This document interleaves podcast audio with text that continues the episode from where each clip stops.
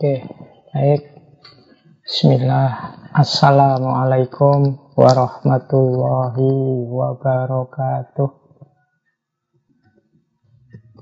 Bismillahirrahmanirrahim. Alhamdulillahi rabbil alamin. Wa bihi nasta'inu ala umurid dunya waddin. Allahumma salli wa sallim wa barik ala habibina wa syafi'ina Sayyidina wa maulana Muhammadin wa ala alihi wa ashabihi wa man tabi'ahum bi ihsanin ila yaumiddin. Amma ba'du. Uh, Bismillah teman-teman mari kita lanjutkan rutinan kita setiap malam Kamis kita ngaji filsafat seperti biasanya. Uh, malam hari ini seperti yang sudah kita sepakati untuk bulan ini kita menggunakan Zoom meeting. Ya nanti kita evaluasi lagi kurang lebihnya kajian lewat Zoom seperti ini. Tentu saja yang kita tunggu-tunggu kan kajian yang sudah bisa langsung offline, tidak lagi online seperti ini. Karena kalau online itu mesti gangguannya macam-macam. Ya meskipun begitu tetap kita istiqomahi ngaji kita. Uh, termasuk mungkin malam hari ini ya ini istiqomahnya agak berat ini bareng sama siaran langsung sepak bola ini. Ini penggemar bola mesti berat ini ninggal nonton TV-nya ya. Tapi ya tidak apa-apa, monggo saja kalau ada yang mau sambil nonton TV atau mendahulukan nonton sepak bolanya. Baik, uh, seperti yang sudah kita maklumi bersama, malam hari ini tema kita masih relate dengan tema-tema sebelumnya di bulan ini, yaitu tema yang berhubungan dengan kesehatan jiwa kita, kesehatan mental kita.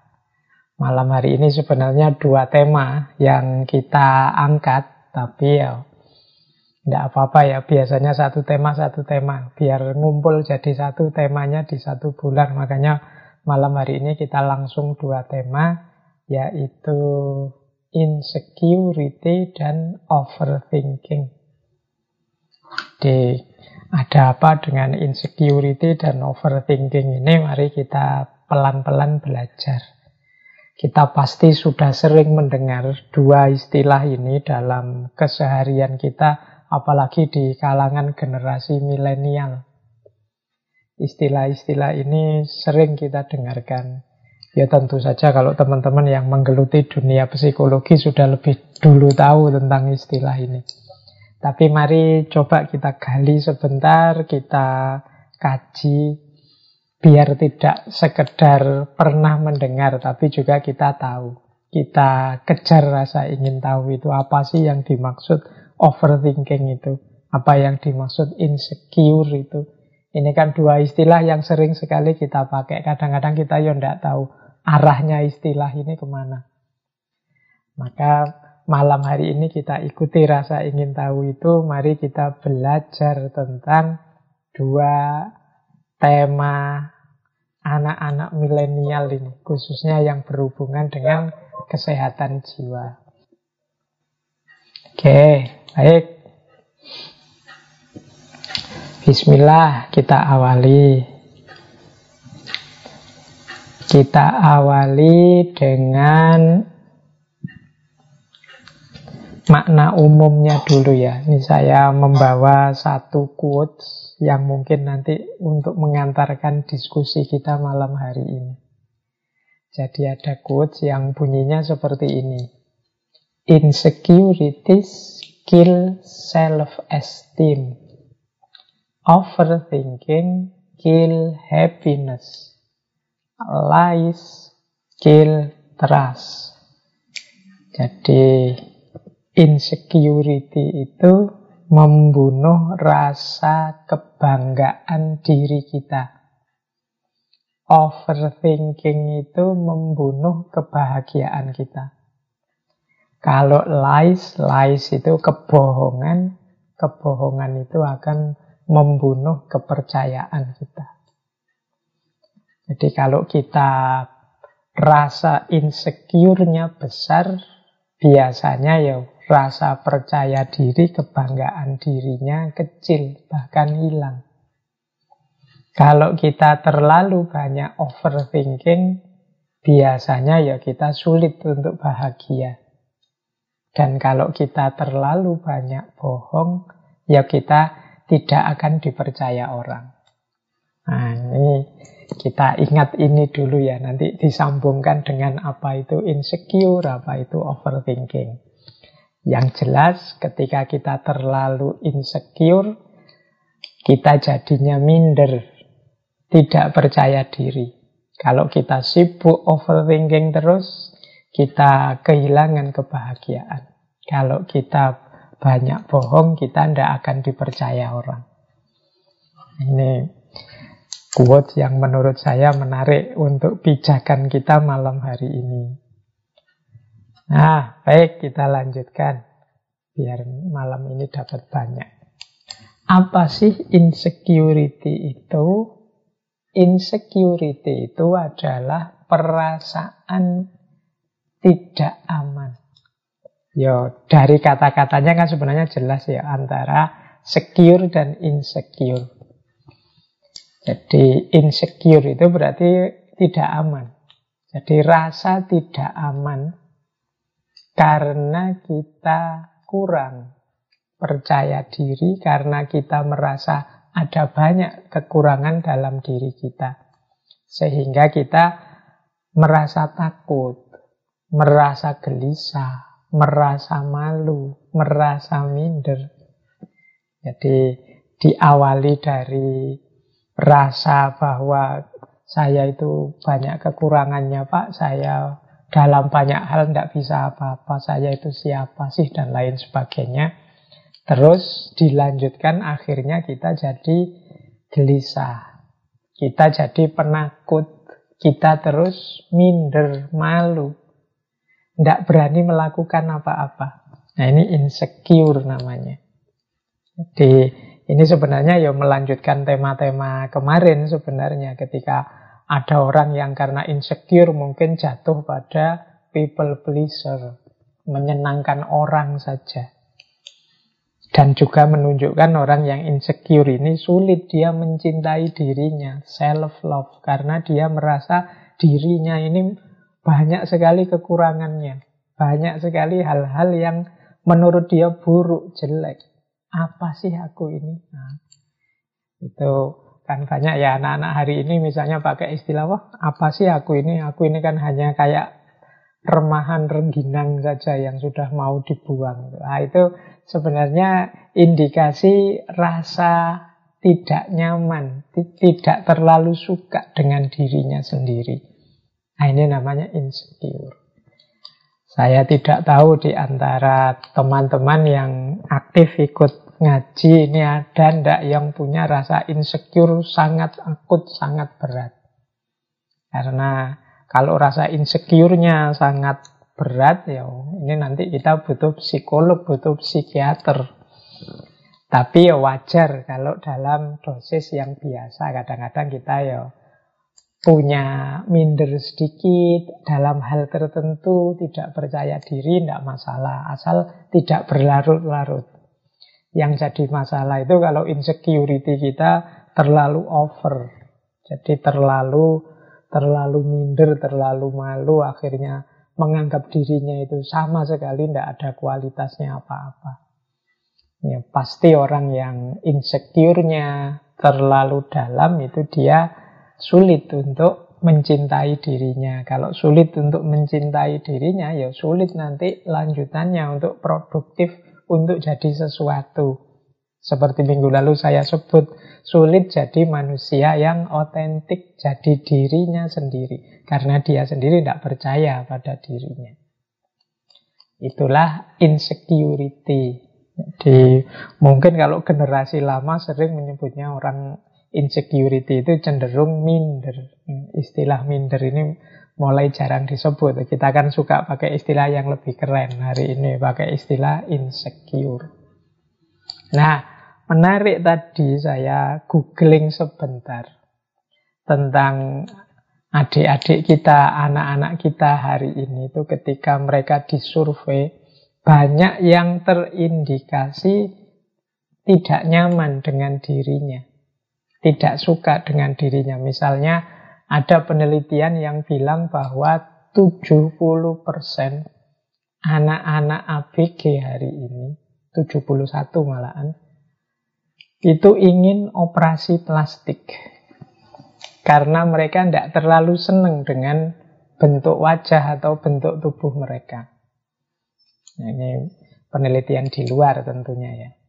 Saya tidak tahu kalau di Indonesia apa pernah ada survei seperti ini. Jadi karena mungkin tiap hari nonton TV, nonton drama Korea, nonton acara-acara apa saja yang idola-idola itu, mungkin banyak di antara mereka hari ini yang ingin seperti idolanya. Jadi mimpi agar wajahnya, tampilannya, sosoknya itu seperti yang diidolakan. Nah, jalan pintasnya kadang-kadang ya pakai plastik surgery ini, jadi pakai operasi plastik. Ya ini bukan masalah boleh atau tidak operasi plastiknya itu nanti perdebatan yang berbeda tapi ini sebenarnya menunjukkan betapa mereka ini tidak percaya diri. Jadi betapa mereka tidak nyaman dengan dirinya sendiri. Bahkan yang kedua itu ada juga penelitian yang bilang 66% girls perempuan ini di wilayah tertentu yang diteliti tentunya, itu cenderung mengkritisi diri mereka sendiri, tubuh mereka sendiri. Kita mungkin ya kadang-kadang begitu, mengkritisi misalnya, wah hidungku kok ya pesek ya. Tiap kali berkaca kita menyesali hidung kita yang pesek. Kemudian jerawatku kok banyak ya. Tiap kali berkaca kita melihat jerawat yang banyak. Jadi Tiap hari kita ini mengeluhkan diri kita. Rambutku kok banyak yang putih ya. Kayak rambut saya kan banyak yang putih. Nah itu tiap kali nambah satu putih terus mengeluh. Waduh kok nambah putih lagi. Nah ini namanya criticize our own body. Kita mengkritisi tubuh kita sendiri. Mungkin setiap hari. Tidak hanya kalau di penelitian itu kan 66 persen. Jangan-jangan kita juga termasuk yang di situ. Senengannya mengkritisi diri sendiri. Ya tidak salah, karena orang itu kan selalu ingin jadi lebih baik, lebih ganteng, lebih rapi, tidak masalah. Asal tidak jatuh dalam tadi ya, kecewa pada diri sendiri, minder, kehilangan percaya diri, dan lain sebagainya. Itu kalau sudah jatuh ke sana, nanti jatuhnya pada insecure tadi.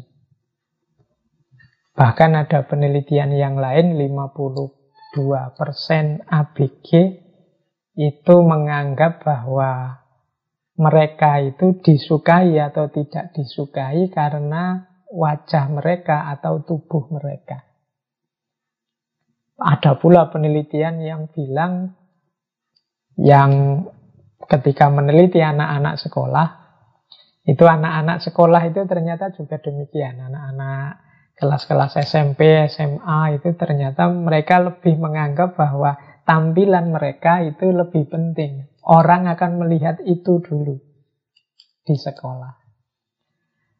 Nah, ini sebenarnya bukan sesuatu yang pasti salah sih. Tapi kalau ketidak kepuasan terhadap diri sendiri itu nanti jatuhnya membuat kita tidak percaya diri atau minder sehingga kita mau ngapa-ngapain tertunda, kita tidak berani melakukan apa-apa karena itu, itulah nanti namanya insecurity. Jadi yang kalau saya bilang tadi, kalau ini tambah akut, ya jadinya kita kayak orang harus periksa lagi ke psikiater atau ke psikolog. Sudah termasuk gangguan sakit jiwa. Oke, baik. nah, ini mudahnya seperti ini. Jadi saya tidak tahu teman-teman pernah merasa begini tidak? Yang pertama merasa bodoh. Bodoh banget kok ya aku itu. Kok ndak pinter toh ya aku kok balik-balik keliru Ini rasa ini kalau ndak dikontrol, ndak hati-hati akan jatuh pada insecurity. Akhirnya kita disuruh ngapa-ngapain terus Wah, ndak berani saya, saya itu bodoh ya, saya itu ndak pinter ya, saya itu kalau ngomong agak ndak rapi, agak pelekak-pelekuk eh. Nah, ini rasa ini akan membawa kita pada insecurity. Kalau kita terus-terusan seperti ini ya, kita ada di state insecure. Ini kan diksi yang sering kita dengar di sehari-hari biasanya sesama teman. Apalagi kalau kita punya teman pinter, sudah. Pokoknya kita identifikasi diri kita itu sebagai orang yang bodoh. Nah, atau yang kedua, tidak penting. Ah, apa sih aku ini? Siapa sih aku ini? Aku ini ya orang biasa, bukan keturunan siapa-siapa. Bukan keturunan orang besar, bukan keturunan kiai, habib, bukan keturunan Aku ini tidak penting sama sekali. Tidak usah dihitung lah. Nah, ini ini kalau kita punya feeling, punya rasa seperti ini, kita membaca, mengidentifikasi diri kita di titik semacam ini, ya kemungkinan kita punya gangguan insecurity tadi. Ini penting ya kita coba kita punya rasa seperti ini ndak saat kita membaca diri kita. Apa memang misalnya teman-teman merasa minder karena bukan keturunannya orang besar misalnya? Apa memang menurut teman-teman keturunan orang besar itu sesuatu yang penting misalnya? Atau nilai di kelas itu sesuatu yang sangat penting sehingga di situlah parameternya kita bodoh atau tidak bodoh dan lain sebagainya. Yuk coba kita telusuri apa kita punya gejala-gejala seperti ini. Atau kita merasa di bawah standar. Dalam hal apa pun. Mungkin dalam hal kekuatan, mungkin dalam hal kecerdasan, mungkin dalam hal pergaulan. Misalnya teman-teman merasa, wah aku ini tidak gaul ya. Aku itu kalau sama teman itu kaku misalnya. Nah, terus kita semacam kecewa dengan diri kita sendiri. Wah aku itu tidak cocok ya kalau diajak acara-acara seperti itu. Aku itu orangnya itu sulit misalnya. Itu pada kita sendiri. Kita nah ini kita merasa kita ini di bawah standar. Kita ini tidak sama dengan yang lain. Kita ini ya levelnya level-level bawah lah. Ini jenis-jenis insecurity. Atau kita merasa berbeda dan mungkin kita cenderung merasa orang lain mesti tidak suka dengan kita. Ya kayak tadi misalnya, wah teman-temanku itu loh kalau diajak bergaul itu kok asik-asik ya, tapi aku orangnya kok ndak asik ya. Terus kita merasa mesti teman-teman ndak suka padaku. Mesti teman-teman ndak suka gayaku. Akhirnya kita menyendiri. Nah ini rasa berbeda dan rasa tidak disukai ini mungkin indikasi bahwa kita ini terkena sindrom insecurity rasa tidak aman, rasa tidak nyaman dengan diri kita sendiri. Termasuk juga mungkin merasa tidak pantas. Ah, aku ini tidak pantas kalau harus jadi ketua misalnya. Ah, aku ini tidak pantas kalau jadi yang ngurusi. Ah, aku ini tidak pantas kalau jadi. Nah, ini sering kita temui orang-orang yang seperti ini. Merasa dirinya tidak level, tidak pantas ya dalam kadar tertentu untuk kesopanan misalnya untuk tawaduk kalau dalam agama tidak masalah sih. Tapi kalau di level akut ini bisa mengacaukan urusan. Kadang-kadang ya kalau kita uh, dalam hal tertentu misalnya mau ngangkat ketua itu wah semuanya tawaduk semuanya merasa tidak pantas semuanya merasa di bawah standar Akhirnya bingung, ini yang mau jadi ketua siapa? Semuanya menolak, tidak ada yang percaya diri. Semuanya merasa, wah enggak, saya itu apa sih? Saya itu siapa sih? Nah ini yang sering jadi masalah sehari-hari kita. Jadi semua orang merasa minder, semua orang merasa tidak level. Nah ini gejala-gejala ini coba deh teman-teman telusuri apa ada yang punya ini. Ya saya bilang tadi dalam batas-batas untuk sopan santun bahasa basi kadang-kadang ya kita ah monggo yang lebih baik saja, yang lebih ahli saja dan lain sebagainya. Tapi nanti kalau saatnya memang dibutuhkan ya kalau memang kita mampu ya kita turun saja tidak masalah.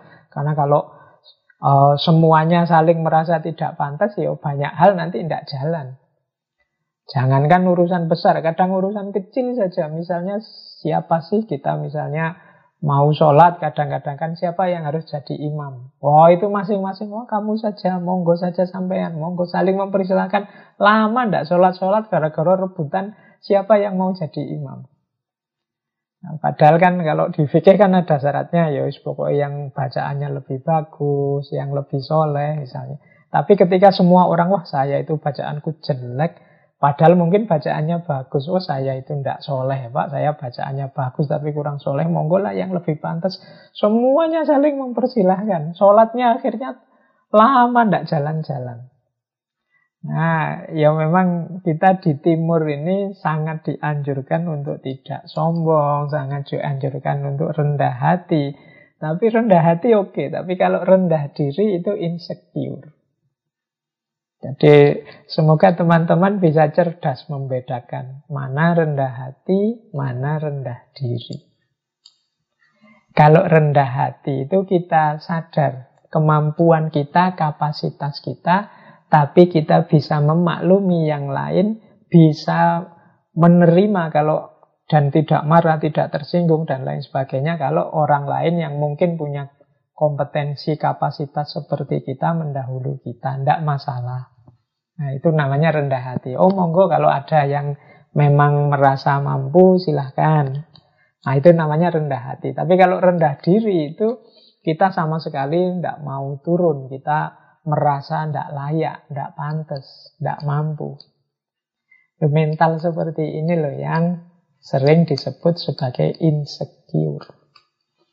Maka teman-teman, yuk semoga di antara kita tidak ada yang rendah diri. Merasa bodoh, merasa tidak penting, merasa di bawah standar, merasa berbeda dan tidak disukai, merasa tidak pantas, dan lain sebagainya. Dalam konteks yang sebenarnya tidak sekedar hanya saat basa-basi atau saat demi kesopanan untuk tidak sombong. Tapi benar-benar kita merasa seperti ini. Nah, itu namanya insecurity. Nah, sekarang kita tengok dulu. Kok bisa sih ya kita itu jatuh pada insecurity tadi. Jadi orang yang minder, jadi orang yang rendah diri. Itu kira-kira sebabnya apa sih?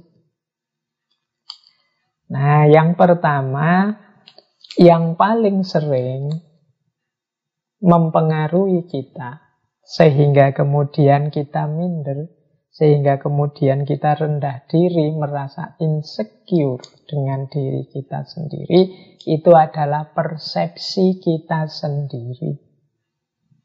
Jadi cara berpikir kita sendiri. Cara kita mempersepsi diri kita, menganggap diri kita. Bahkan mungkin orang lain tidak menganggap kita begitu. Kita saja yang menganggap diri kita serendah itu. Seperti quotes yang kita bahas minggu lalu ya. Kalau kita saja menghargai diri kita serendah itu, bagaimana orang bisa menghargai kita tinggi? Ibaratnya orang jualan.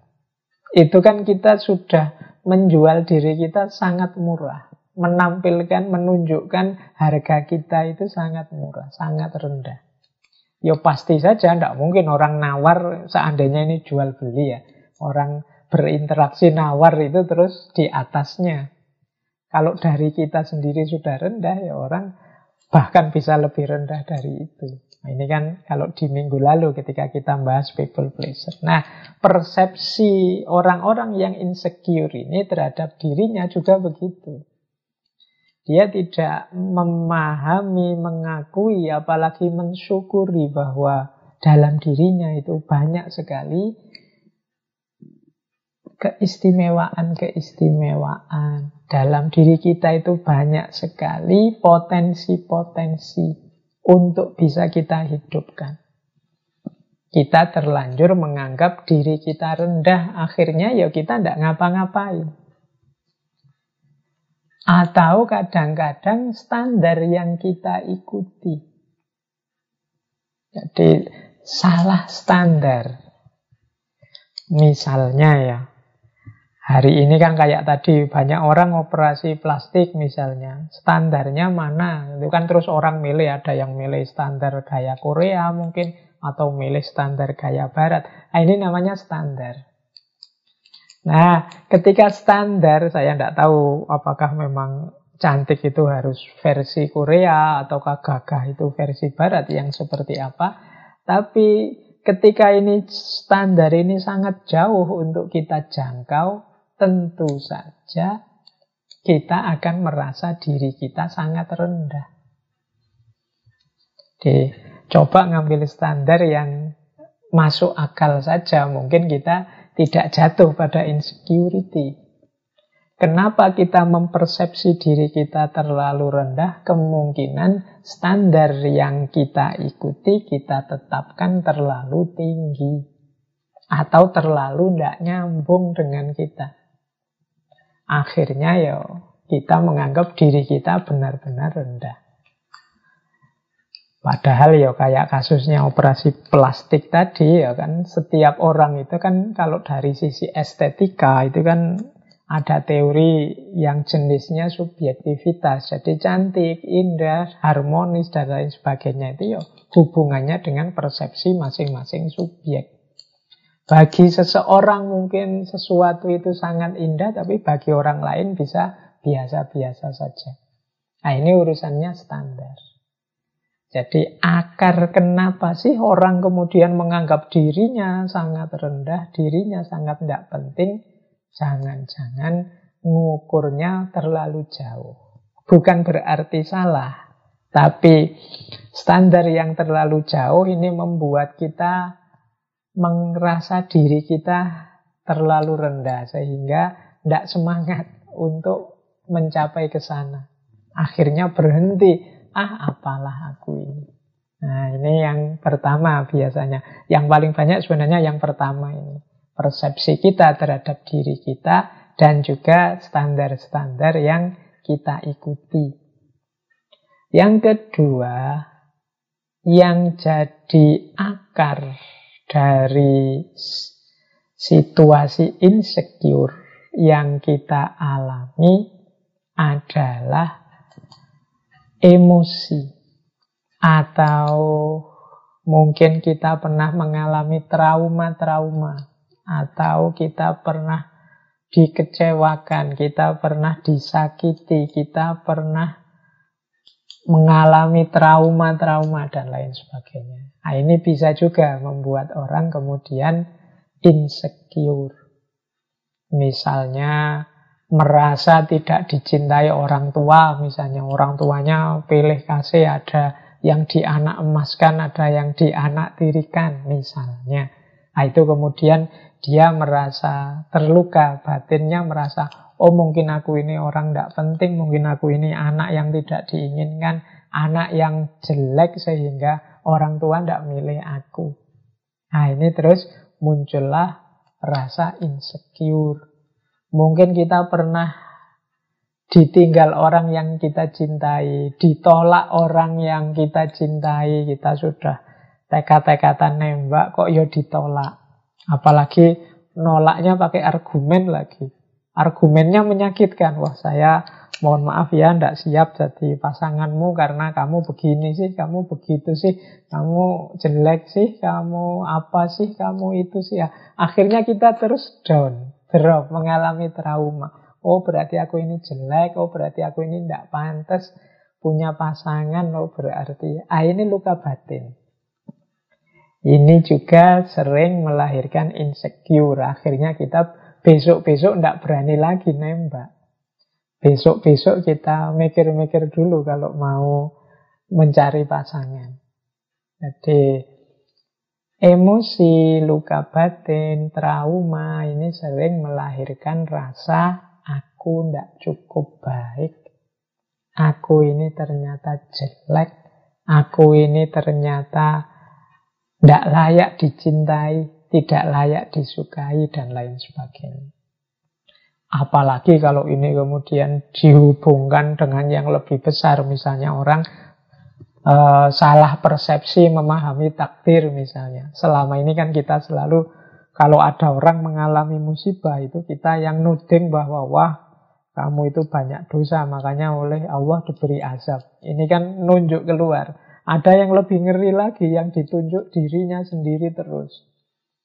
Wah ini kok ngalami bencana ya Jangan-jangan bencana ini gara-gara dosaku Jangan-jangan bencana ini gara-gara kelakuanku. Jangan-jangan bencana ini gara-gara uh, kesalahan-kesalahanku selama ini. Akhirnya dia begitu marah, begitu kecewanya dengan dirinya. Nah ini juga jenis emosi. Jadi orang tidak nyaman dan tidak aman terhadap dirinya itu bisa karena persepsi, bisa karena emosi. Jadi kalau persepsi tadi ya pikiran-pikiran kita sendiri. Kalau emosi itu muncul dari trauma-trauma, luka-luka batin yang selama ini mungkin kita alami. Ada kalanya juga karena lingkungan, pengalaman sehari-hari. Mungkin kita nasibnya tidak terlalu bagus, kita punya lingkungan yang tidak sehat. Misalnya lingkungan yang selalu mengecilkan kita. Lingkungan yang tidak menganggap kita. Lingkungan yang tidak menghitung keberadaan kita. Nah, ini juga membuat kita terus jadi minder, merasa kecil.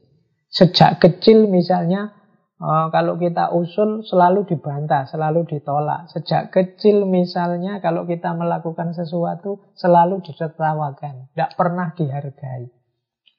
Nah, ini juga jadi akar munculnya insecurity. Jadi lingkungan sekeliling itu bisa membentuk pola pikir aku ini rendah, aku ini lemah, Aku ini inferior. Nah, selain pengalaman dan lingkungan, ada pula pop culture atau tren. Nah, kalau ini budaya pop atau tren-tren yang beredar di sekeliling kita. Ketika kita tidak update, ketika kita tidak mengikuti tren yang berjalan, kita terus merasa, ah, aku ini apa sih? aku ini kurang gaul, aku ini ketinggalan zaman, aku ini masa lalu. Nah ini bisa juga.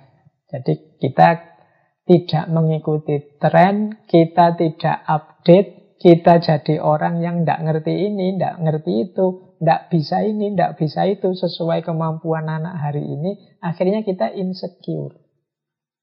Misalnya teman-teman kita hari ini main gamenya sudah apalah sudah main game-game kelas tinggi yang sekarang sedang hits itu. Nah, terus kita kok tidak bisa main game seperti itu? Nah, terus kita insecure.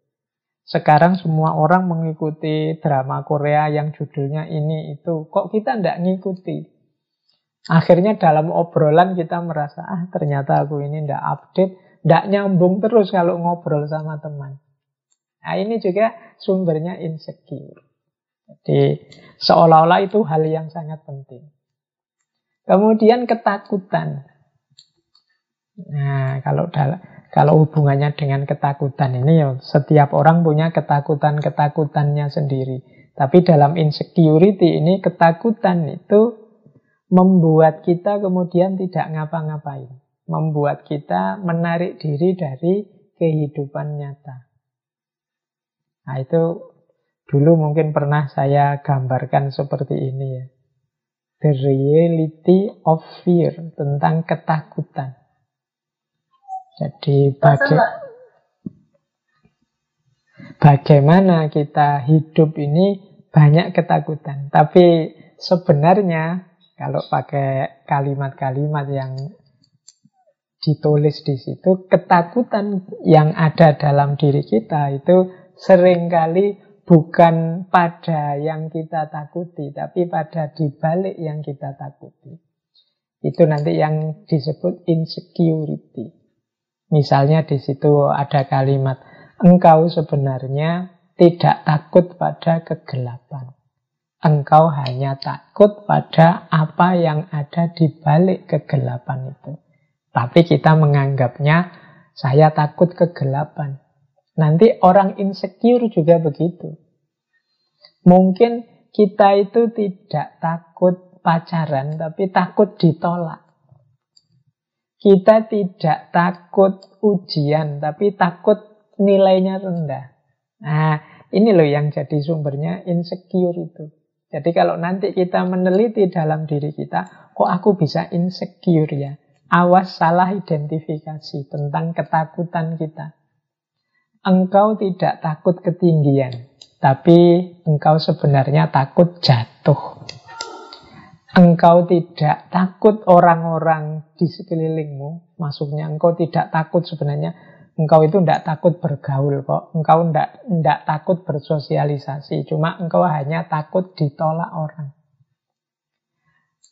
You are not afraid to love, you are just afraid of not being loved back.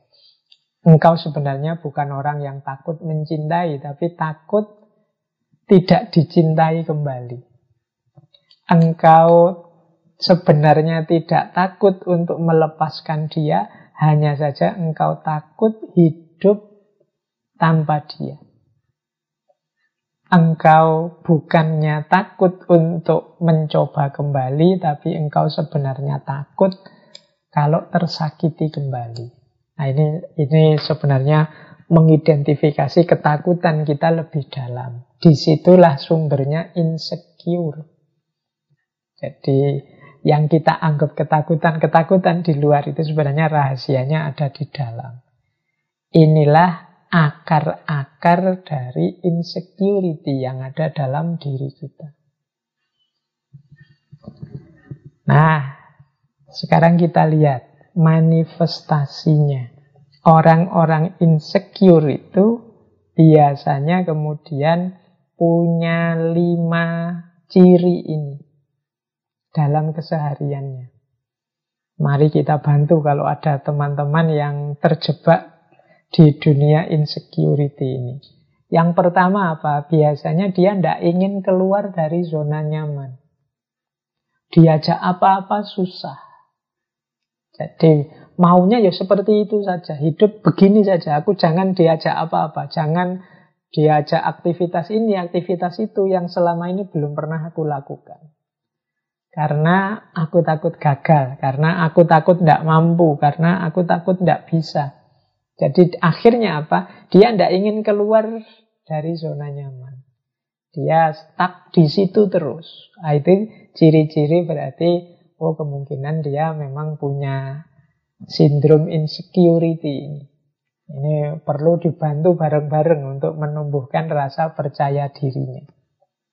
Yang kedua, biasanya cirinya yang lain suka membandingkan diri dengan orang lain. Dan memandang rendah dirinya sendiri. Nah ini dua dan tiga ini sekaligus. Jadi setelah banding-bandingkan itu biasanya justru menganggap dirinya, ah aku dibandingkan kamu tidak ada apa-apanya. Kamu sih enak, kalau aku orang miskin tidak seperti kamu. Kamu sih enak, aktif kalau aku orang bodoh tidak seperti kamu.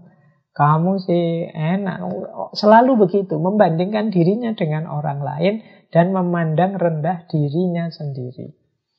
Ah ini ciri-ciri insecure biasanya. Dia yang tidak nyaman, tidak puas dengan dirinya sendiri. Nah, ini penting kita amati orang-orang sekeliling kita kalau kita punya teman yang seperti ini atau jangan-jangan kita sendiri yang seperti ini, ayo bareng-bareng kita menumbuhkan rasa percaya diri. Karena percaya diri itu nanti akan jadi kunci kesuksesan, keberhasilan kita. Kesuksesan, keberhasilan kita itu prasyarat bagi kesuksesan dan keberhasilan ranah yang lebih besar. Kesuksesan keluarga, kesuksesan bangsa, negara, agama, dan lain sebagainya, itu kan harus diawali dari kesuksesan, keberhasilan kita sebagai individu. Kalau kita sebagai individu menganggap diri kita bukan apa-apa, menganggap diri kita terlalu rendah, terlalu lemah, ya sulit nanti kita sebagai pribadi sukses. Kalau sebagai pribadi kita tidak sukses, bagaimana kita sukses dalam keluarga? Bagaimana lebih besar lagi sukses dalam negara, sukses dalam agama, dan lain sebagainya. Maka kita cermati gejala-gejala ini, semoga tidak banyak ada dalam diri kita. Kemudian kadang-kadang ada manifestasi yang unik, yaitu biasanya orang seperti ini senang dipuji dan mencari cara agar kehadirannya diakui. Jadi mungkin dia melakukan hal-hal yang membuat dia dipuji. Mungkin dipuji karena, wah kamu sabar sekali ya jadi orang, wah kamu pemurah sekali ya wah kamu dia akan melakukan apa pun yang memungkinkan orang mengakui keberadaannya dan memuji dirinya. Nah, kadang-kadang terasa agak dibuat-buat atau terasa dipaksakan. Ini menunjukkan bahwa dia sangat terobsesi untuk agar diakui oleh lingkungan sekelilingnya. Entah dengan cara apa. Nah, ini mungkin ciri-ciri orang yang justru insecure. Jadi karena dia tidak yakin bahwa dirinya mampu, dirinya bisa, maka dia menunggu pengakuan dari orang lain bahwa dirinya bisa, bahwa dirinya mampu. Kadang-kadang pengakuan itu unik dicari secara negasi. Dicari secara negasi itu misalnya saya dan teman saya punya cara hidup yang berbeda. Untuk menegaskan bahwa cara hidupku lebih benar, itu aku berusaha mati-matian menunjukkan betapa salahnya cara hidup temanku. Nah, ini sebenarnya sama modelnya dalam rangka mendapat pengakuan meskipun dengan cara yang negasi atau negatif. Intinya dia ingin diakui dan dipuji orang bahwa kamu mampu, kamu bisa, kamu besar, kamu benar, dan lain sebagainya. Nah, yang terakhir biasanya yang kelihatan manifestasi dari insecurity ini orang cenderung menghindari interaksi dengan lingkungan sekitarnya. Jadi karena dia merasa tadi minder, orang minder itu kan lebih cenderung menarik diri dari keramaian. Nah inilah manifestasi-manifestasi dari orang yang punya gejala insecure tadi. Efeknya apa? Ya, kalau ini sebenarnya sudah bisa ditebak secara logis. Orang yang mengalami insecurity itu kalau terus-menerus begitu, yang jelas dia cemas, pesimis, dan tidak bahagia. Karena terhadap dirinya sendiri saja dia tidak nyaman. Dia tidak merasa puas. Akhirnya apa? Dia serba pesimis dan tidak bahagia. Merasa rendah, tidak percaya diri, putus asa, depresi, kesepian, merasa tak berharga dalam situasi yang parah, bahkan ada yang, wah, apa sih gunanya aku hadir ke dunia ini? Apa arti keberadaanku? Bahkan ada yang sampai ingin mengakhiri hidupnya. Makanya tadi saya bilang, yuk kita bareng-bareng untuk lingkungan kita, untuk sekeliling kita, saling membantu untuk menegaskan diri kita bahwa kita ini manusia-manusia yang sama-sama berharga. Kalau hari ini kan banyak itu pertarungan saling menjatuhkan, saling merendahkan.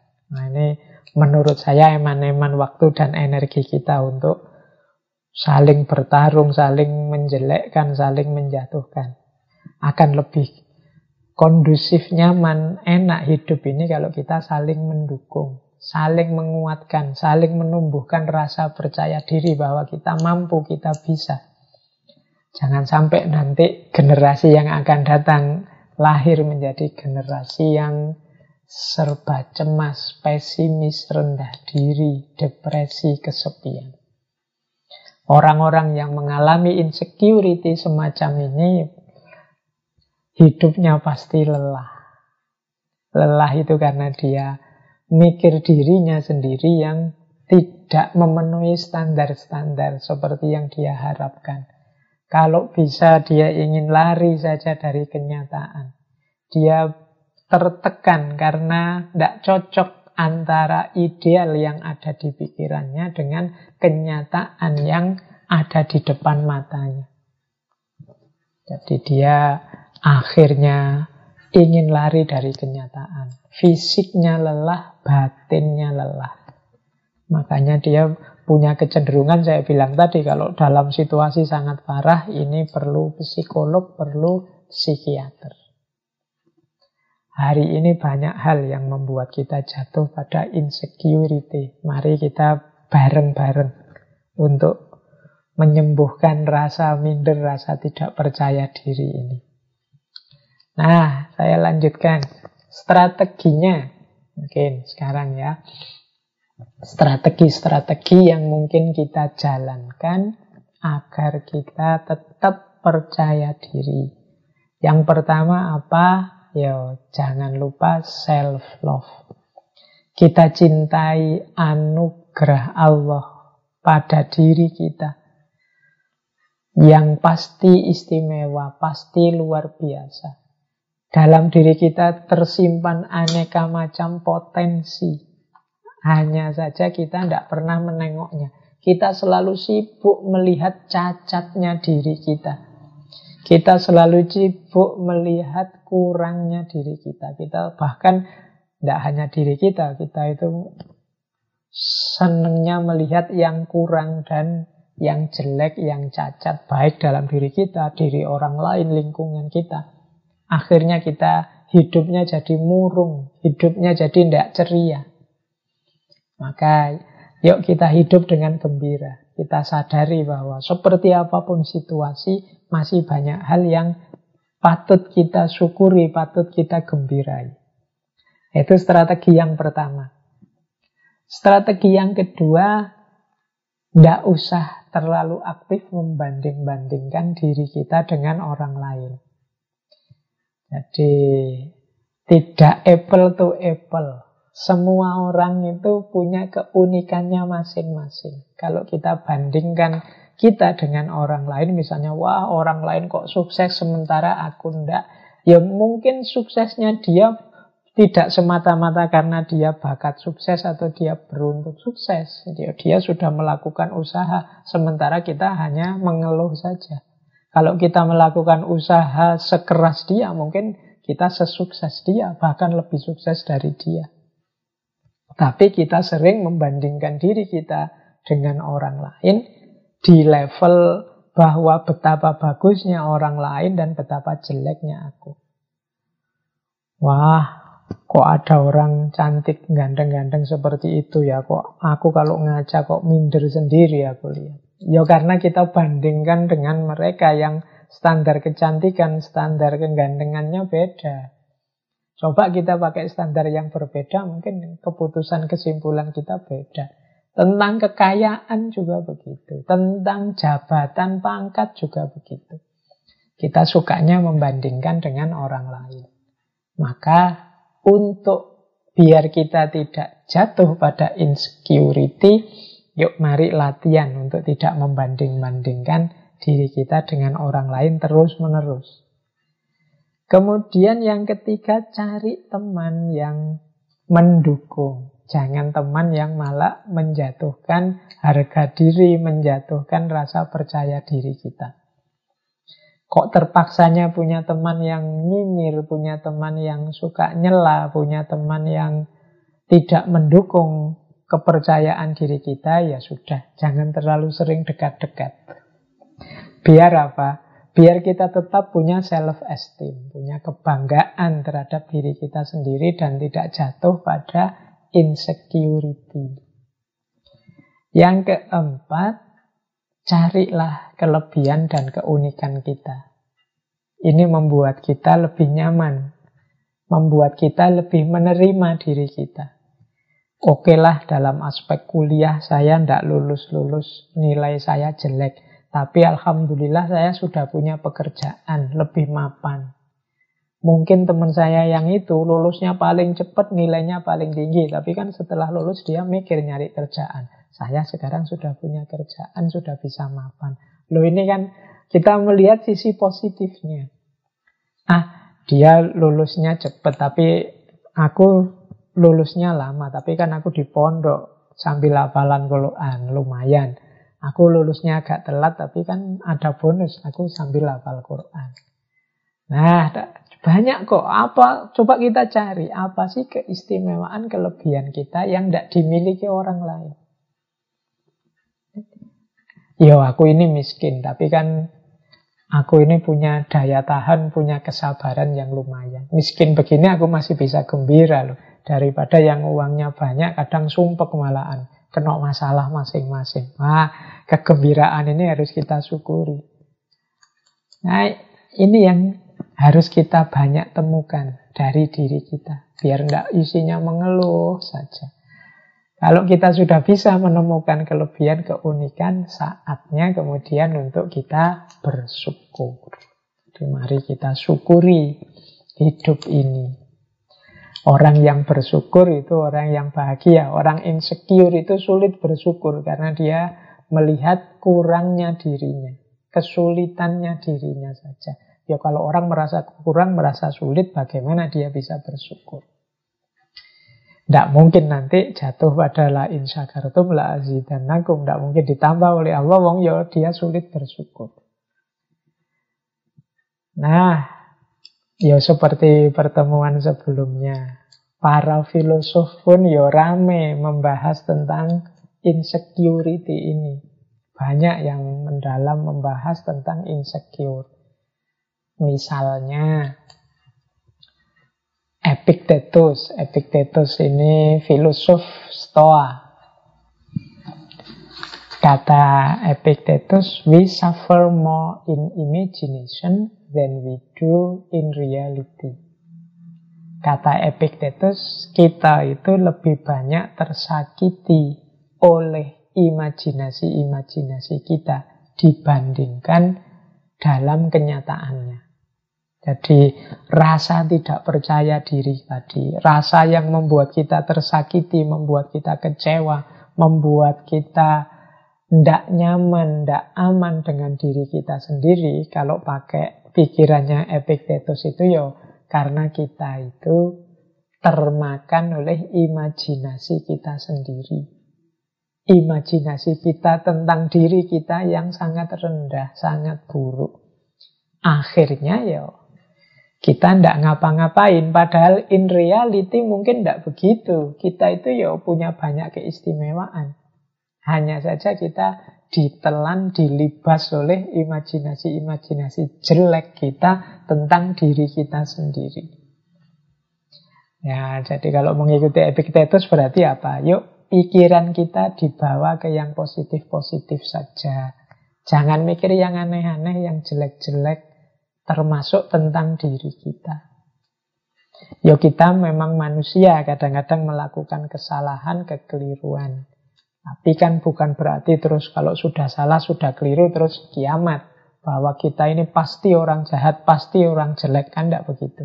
Kita masih punya daya dan kekuatan untuk melanjutkan hidup sebagai orang baik.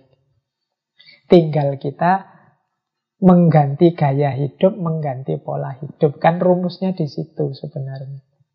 Cuma label-label imajinasi-imajinasi yang kita tempelkan dalam diri kita ini kemudian sering menghalangi langkah kita untuk berubah jadi lebih baik.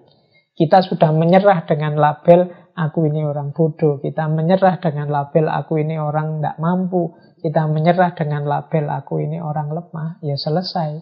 Kalau kita sudah menyerah di situ, masuk ke lubang insecurity. Kemudian ini dilengkapi oleh pandangannya Dalai Lama. Kata Dalai Lama, lack of transparency result in distrust and a deep sense of insecurity. Kurangnya keterbukaan akan membuahkan ketidakpercayaan dan insecurity yang dalam.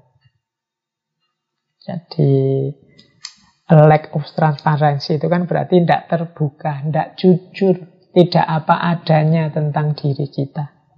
Ya tentu saja melahirkan orang lain tidak percaya pada diri kita, kita juga tidak percaya pada diri kita, wong kita tidak paham. Kenapa kita tidak paham? Karena kita tidak jujur. Di situlah kita masuk pada insecurity. Karena kita tidak paham tentang diri kita, ya kita isinya serba bingung mau apa, mau ke mana. Nah, dilanjutkan oleh Erich Fromm. Kata Erich Fromm, tugas yang harus kita tetapkan untuk diri kita bukan kok to feel secure, untuk merasa aman, tapi to be able to tolerate insecurity. Kita harus bisa menerima insecurity. Maksudnya apa? Ketakutan-ketakutan, kemudian hal-hal yang menurut kita negatif itu kita terima dulu. Ya setelah itu kita carikan solusinya. Tidak mungkin hidup kita itu sepenuhnya secure, sepenuhnya nyaman, enak. Pasti tentu saja ada yang kurang-kurang. Ya kita terima dulu yang kurang-kurang ini, nanti pada saatnya kita tingkatkan, kita keluar dari zona nyaman kita untuk hidup secara lebih baik. Nah, dipungkasi oleh Oso, kata Oso, kuncinya kita lepas dari insecurity adalah expectation, harapan. Jadi jadi manusia jangan sampai kita kehilangan harapan. Mengapa sih orang insecure tadi terus tidak mau ngapa-ngapain lagi, menyerah dengan dirinya? Itu karena dia putus harapan. Karena dia sudah sangat kecewa dengan dirinya, akhirnya putus harapannya. Dia tidak ingin apa-apa lagi sehubungan dengan dirinya. Dia tidak percaya dirinya bisa mencapai sesuatu. Jadi orang insecure itu bahkan berharap saja dia tidak berani. Dia merasa tidak mampu. Padahal kuncinya kata Osho, kita keluar dari zona insecurity itu kita menghidupkan harapan-harapan. Jadi hidup di tengah harapan. Nah ini filosofi-filosofi yang next time mungkin tokoh-tokoh ini kita ulas masing-masing per sesi. Kita belum bahas Epictetus, kita belum bahas Dalai Lama atau Osho. Nanti kita perdalam gagasan beliau-beliau ini di satu sesi khusus entah kapan. Nah, ini untuk insecurity saya pungkasi dengan satu tips agar kita kuat dan tangguh saat kita melawan insecurity. Yang menguatkan diri kita dalam situasi insecure yang pertama adalah kebenaran dan kebaikan. Maksudnya apa? Usahakan meskipun kita ini ada dalam state situasi insecure, merasa kita tidak pantas lah, merasa kita tidak berguna lah, merasa kita tidak mampu lah, tapi tetap usahakan kita di jalur kebenaran dan kebaikan, jangan sampai membuat kita keluar jalur. Membuat kita melakukan hal-hal yang salah, yang dosa, yang merusak, yang maksiat, dan lain sebagainya. Karena begitu kita melakukan itu, akan bertambah dalam lubang insecurity dalam diri kita. Begitu kita melakukan dosa yang tambah banyak, kesalahan yang kita sengaja tambah besar, ya kita akan semakin dalam jatuh pada insecurity. Maka usahakan dalam usaha upaya kita menaklukkan insecurity, kita tetap ada di jalur kebenaran dan kebaikan. Yang kedua, kuatkan tekad dan tujuan. Jadi ada kalanya obat paling ampuh dari rasa tidak berdaya itu yo kita awali dari pernyataan afirmasi-afirmasi diri bahwa aku ini sebenarnya bisa kok, aku ini sebenarnya mampu kok, aku ini sebenarnya ya punya kapasitas kok. Ah, ini namanya tekad dan tujuan. Ini akan menguatkan perjuangan kita. Kemudian yang ketiga, cinta dan kegembiraan. Jadi, mari melakukan apa pun dalam koridor cinta dan gembira. Cinta itu maksudnya tidak sekedar menuruti keinginan-keinginan egois kita, tapi juga kita memikirkan manfaat maslahat hidup kita untuk yang lain, untuk sesama. Nah ini berarti koridornya koridor cinta.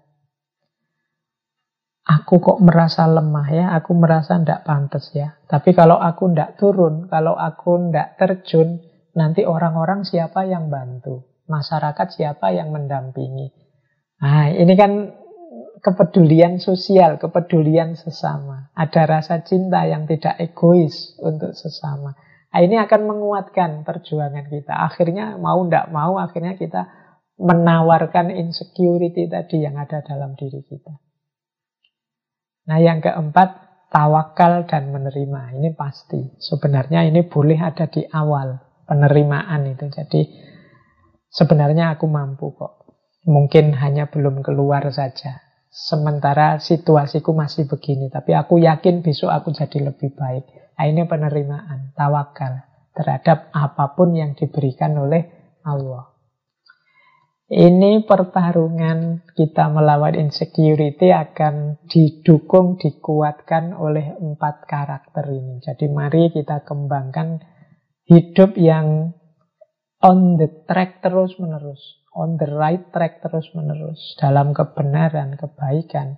Kita kuatkan tekad kita, kita kuatkan kegembiraan, hidup dalam cinta, dan juga penerimaan. Nah, hati-hati dengan yang melemahkan. Yang melemahkan itu berarti akan membuat kita semakin dalam jatuh pada aspek insecure. Yang pertama adalah pamrih dan ketergantungan. Pamrih itu melakukan apa-apa karena ada hal di luar diri yang dituju, yang diinginkan. Ini namanya pamrih. Aku membantumu biar kamu puji bahwa aku ini dermawan. Aku menolongmu biar kamu puji bahwa aku ini peduli sesama.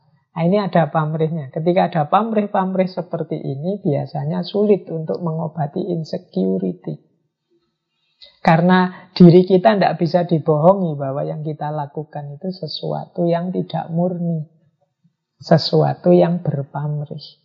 Apalagi ketergantungan. Ketergantungan itu ya kita tidak bisa lepas dari sesuatu, kita tidak bisa uh, ditinggalkan sesuatu yang sifatnya duniawi tentunya ya. Satu-satunya ketergantungan itu kan yang uh, positif ketergantungan kita pada Allah, Allahus Somad.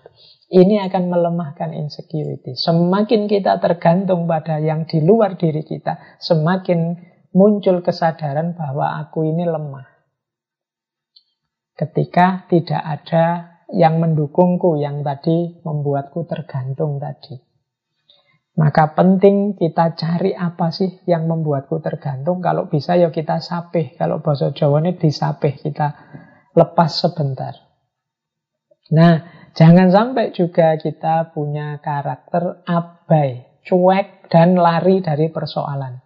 Banyak orang yang sebenarnya dia tahu dia punya insecurity, tapi terus dia gayanya seolah-olah tidak ada apa-apa. Nah, ini kadang-kadang jadi bahaya juga karena kadang-kadang ini bisa meledak pada saatnya jadi semakin dalam. Dia sudah merasa sebenarnya bisa ndak ya aku melakukan ini. Nah, terus dia tapi karena dia merasa insecure itu dia lari dari persoalan. Sudahlah aku ndak usah ngurus itu. Pada saatnya ketika dia terpaksa berhadapan dengan urusan itu dia akan semakin down. Maka ya anggap saja ketakutan-ketakutan tadi yang tumbuh dari insecurity sebagai tantangan. Berani ndak kita menaklukkan. Nah ini namanya kita ndak lari dari persoalan. Berarti apa? Pelan-pelan kita taklukkan. Termasuk yang melemahkan dalam insecurity adalah kebencian-kebencian kita terhadap apa pun. Dan juga kemuraman kita. Kemuraman itu maksudnya ya hidup yang tidak pernah bersyukur. Hidup yang isinya mengeluh saja. Ini namanya insecure. Kan hari ini banyak di antara kita yang tiap hari mengeluh. Wah, negara kita ini apa ini? Ada masalah ini, ada masalah itu. Kita mengeluh segala hal. Nah, ini hidup dalam kemuraman. Ini akan jatuh pada insecurity. Dan yang keempat, kecewa dan kemarahan. Nah, ini tentu saja membuat kita tambah lemah, tambah insecure. Jadi, teman-teman silahkan diperhatikan yang menguatkan dan melemahkan ini dalam perjuangan kita menaklukkan insecurity, rasa tidak aman, rasa tidak nyaman dalam hidup. Baik, semoga sedikit banyak bisa ditangkap materi tentang insecurity yang pada intinya ya bagaimana kita ini harusnya tetap percaya diri, harusnya tetap punya kebanggaan diri. Kita ini banyak keistimewaan-keistimewaan yang diberikan oleh Allah. Hanya saja kita tidak mengakui itu. Atau kita belum memahami itu. Mungkin karena kita selalu membandingkan diri kita dengan orang lain. Mungkin karena memang mental kita yang mental rendah diri dan lain sebagainya. Mungkin nanti materi ini bisa untuk bahan renungan selanjutnya buat teman-teman. Tapi sekarang kita ganti masuk ke tema kedua kita malam hari ini. Tentang overthinking. Silahkan minum dulu kalau yang sudah menyiapkan minuman. Ini ngaji ini sebenarnya agak tidak manusiawi karena kita dua jam teman-teman saya paksa mendengarkan saya ngoceh ngomong alur ngidul. Dinikmati saja. Tidak harus kaku. Nah, kita masih ada waktu sekitar 45 menit. Saya akan membahas tentang overthinking. Ini juga sebenarnya istilah anak-anak hari ini. Populer sekali di generasi milenial. Overthinking itu ya mungkin kalau zaman dulu orang menyebutnya kalau bahasa Jawa itu kokean mikir, terlalu banyak pertimbangan. Kadang menyebutnya kejeron, kemantepen dalam berpikir. Jadi berpikir mendalam itu bagus, tapi terlalu dalam negatif. Berpikir mantap itu bagus, terlalu mantap negatif. Berpikir kritis, kreatif, bagus, tapi overthinking. Jadi over, kayak overdosis itu kan. Terlalu banyak pikiran, terlalu banyak pertimbangan, itu negatif. Makanya istilahnya over. Persis seperti kata Konfusius, hidup kita itu sebenarnya sederhana. Kitalah yang membuatnya rumit. Garis-garis besar hidup ini kan sederhana. Kalau sakit ya berobat. Kalau lapar ya makan. Kalau ngantuk ya tidur. Kalau lelah ya istirahat. Kalau banyak sekali hal-hal sederhana, tapi kita sendiri yang bikin rumus yang rumit. Makan harus tiga kali misalnya dengan pertimbangan ABCD. Nanti kita sebenarnya sudah lapar tapi belum jam makan, akhirnya tidak berani makan. Akhirnya perutnya sakit. Itu contoh sederhana. Kita itu sering merumitkan situasi. Sudah lelah ya saatnya tidur. Tapi kadang-kadang kita ini terlalu idealis. Tapi kan waktu adalah berharga. Kalau tidak kita manfaatkan, akhirnya kita istirahat itu kan bisa nanti dulu. Kita sendiri yang bikin rumit. Nah, itu jenisnya overthinking. Jadi, overthinking itu satu keadaan di mana seseorang terlalu banyak menghabiskan waktu untuk berpikir tanpa dibarengi problem solving. Pertimbangan terus, pertimbangan terus itu kayak kalau kita rapat tidak ada keputusannya. Itu kemungkinan sudah overthinking. Kalau begini gimana? Kalau begitu gimana? Terus kalau begini, kalau begitu. Akhirnya tidak menyimpulkan-menyimpulkan. Ini namanya overthinking. Nah, jadi kalau diringkas, overthinking itu berhubungan dengan berpikir yang tidak perlu. Ada banyak hal yang tidak perlu dipikir. Jadi misalnya, ini jam 9 seperempat, saya kok lesu ya Pak? Kok bolak-balik menguap ya Pak? Itu kan kamu tidak perlu mikir panjang, ya sederhana. Kamu ngantuk, selesai tidur saja beres. Tapi kadang-kadang dalam hal-hal seperti ini kita itu sering malah mikir. Mikir itu mengapa ya kok saya ngantuk jam 9 sementara ada orang ngantuk jam 12. Apakah saya ini ya kok akhirnya dipikir mungkin bisa bikin seminar nasional untuk bahas itu. Kadang-kadang coba teman-teman cermati ya tema-tema kajian, seminar di seputar kita itu. Mungkin banyak hal yang ngapain itu dibahas. Jadi tidak usah terlalu dalam. Semua orang juga sudah tahu kok. Nah itu berpikir yang tidak perlu. Jenisnya overthinking. Atau berpikir yang tidak tepat.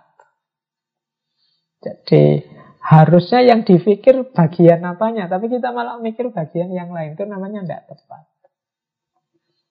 Jadi misalnya membahas tentang pengadilan. Ada orang dituduh, anu kemarin saya lihat itu kan, eh malah yang dibahas tentang jilbabnya.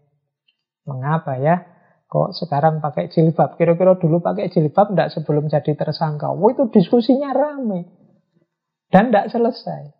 Ah, itu namanya kan enggak. Loh kalau yo kalau urusan pengadilan dibahas tentang ini ditegakkan benar enggak hukum ini, adil enggak hukumnya ini. Tapi banyak hal-hal kecil yang enggak penting kadang-kadang porsinya lebih besar. Oh, apalagi era post-truth hari ini, kita sering berpikir tidak tepat. Nah, terus berpikir terlalu banyak. Jadi berpikir terlalu banyak itu ya Sebenarnya ini urusan sederhana saja, simpel saja. Kita saja yang nambah-nambah variabel terus jadi meluas ke mana-mana. Sebenarnya ini sederhana urusannya, suka atau tidak suka. Eh, tapi terus melebar ke mana-mana. Urusan sosial lah, politik masuk lah, ekonomi lah, dan lain sebagainya. Ini sebenarnya sederhana, ada orang bercanda misalnya. Eh, tapi terus macam-macam, bahas psikologi juga, bahas Nah, ini namanya berpikir terlalu banyak. Itu juga jenis overthinking. Jadi, mikir yang tidak perlu, mikir yang tidak tepat, mikir yang berlebihan. Nah, biasanya, ini ada teorinya, overthinking itu sering kita lakukan tentang masa depan kita. Nah, masa depan ini itu yang paling besar, paling sering. Apalagi teman-teman yang mahasiswa itu mesti lebih sering berpikir tentang masa depan ini. Melakukan spekulasi-spekulasi, prediksi-prediksi, khayalan-khayalan tentang masa depan. Kalau saya jadi begini nanti gimana ya? Kalau saya jadi begitu gimana ya? Aku sukses enggak ya besok? Kira-kira yang mau nikah sama aku siapa ya? Anakku besok berapa ya? Aku bisa ndak ya punya mobil sekian, aku punya... Ya ini sampai kita sumpek sendiri, gelisah sendiri. Ah ini overthinking namanya. Jadi kita terlalu berlebihan merancang masa depan, mereka masa depan, dan lain sebagainya. Atau yang kedua, kita overthinking mikir dalam karena kata orang. Kata orang itu nuruti komentarnya orang, nuruti pandangannya orang. Terus kita mikir, wah enaknya gimana ya, baiknya gimana ya, bagusnya gimana. Nah ini overthinking. Ya misalnya ngaji filsafat ini, kemarin waktu masih suara saya saja, masih rekaman saja, orang-orang banyak pak, mbok yo ya kelihatan wajahnya, kelihatan yang ngomong gitu loh pak. Biar meskipun online kita tahu Pak Faiz seperti apa. Tuh. Mungkin terus teman-teman takmir mikir, saya mikir, ya ya mungkin teman-teman itu nyamannya kalau ketemu saya. Begitu sekarang Zoom, tampil wajah saya, nanti rame lagi komentar orang. Pak, mending kayak kemarin deh rekaman saja lah Pak. Kalau pakai wajah gini, pakai Zoom gini, nanti banyak distraksi, suara-suara masuk, jadi kacau ini Pak. Terus kita mikir lagi, wah terus gimana ya enaknya Loh, ini kata orang ini kalau jadi pertimbangan kita terus bingung lama-lama mungkin jadi waduh iya ya ngaji ini apa. Nah, ini ya kita mendengarkan kata orang sekali dua kali tidak masalah, tapi kalau terus-terusan kita tidak jalan aktivitas kita. Usul oke, okay. Kalau kita rapat itu loh, usul oke, okay, tapi kan kita tidak memberikan waktu rapat sepenuhnya untuk usul. Harus ada momen ketika kita memutuskan. Kalau mendengarkan kata orang terus, tidak putus-putus ini. Overthinking kita. Nanti kalau begini gimana? Kalau begitu gimana? Wis kalau sudah kalau-kalau itu bisa macam-macam sudah. Kata orang kata orang itu bisa macam-macam sudah. Itu persis ceritanya Nasruddin dulu kan ketika dia sama anaknya ke pasar berdua bawa satu keledai begitu keluar rumah keledainya dinaiki oleh Nasruddin, anaknya nuntun, orang komentar. Wow, orang tua kok nyari enaknya saja, ndak sayang sama anaknya. Nasruddin pun turun, gantian anaknya yang naik keledainya, dia yang nuntun keledainya. Ada lagi orang komen, wah itu anak ndak berbakti, masa orang tua kok disuruh jalan, dia malah yang naik keledai. Wah, akhirnya rundingan ini enaknya gimana? Ya sudahlah kita naiki berdua sajalah keledainya ini dinaiki berdua. Oh, orang juga komentar oh dasar orang tidak punya utak tidak punya akal. Wong keledai sekecil itu dinaiki berdua tidak punya rasa belas kasihan sama sekali. Nah akhirnya ya rundingan lagi gimana ini enaknya nak ya sudah pak kita turun saja berdua akhirnya dua-duanya turun keledainya dituntun itu pun orang masih komentar. Oh ala dasar orang ndak pinter, ndak cerdas, wong yo bawa keledai terus malah cuma dituntun, ndak dinaiki. Oh itu kan kalau kita dengerin orang komen ndak selesai. Harus ada momen ketika kita putuskan, oke, okay, ya memang keputusan kita mungkin ndak perfect, tapi kalau ndak segera kita putuskan, kita akan jatuh pada overthinking. Nah itu kata orang. Ada juga kita sering overthinking tentang detail. Ini biasanya yang perfeksionis.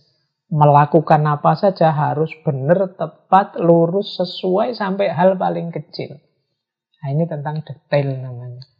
Nah ini juga sering membuat kita habis waktu hanya untuk mikir. Misalnya mau kuliah saja dirancang sampai detail, nanti ini aku kalau kuliah berangkat jam sekian berarti mandinya jam sekian. Bajuku yang siap baju apa ya? Enaknya baju apa? Oh, besok kalau ketemu yang saya taksir itu sukanya baju ini, tapi baju ini sedang dicuci harusnya baju apa? Sampai detail. Nanti pakai minyak wangi apa? Nanti semua detail dirancang. Terus waktu kita habis. Nah, ini biasanya orang-orang yang perfeksionis. Ini waktunya habis untuk mikir mencari yang presisi tepat untuk segala hal.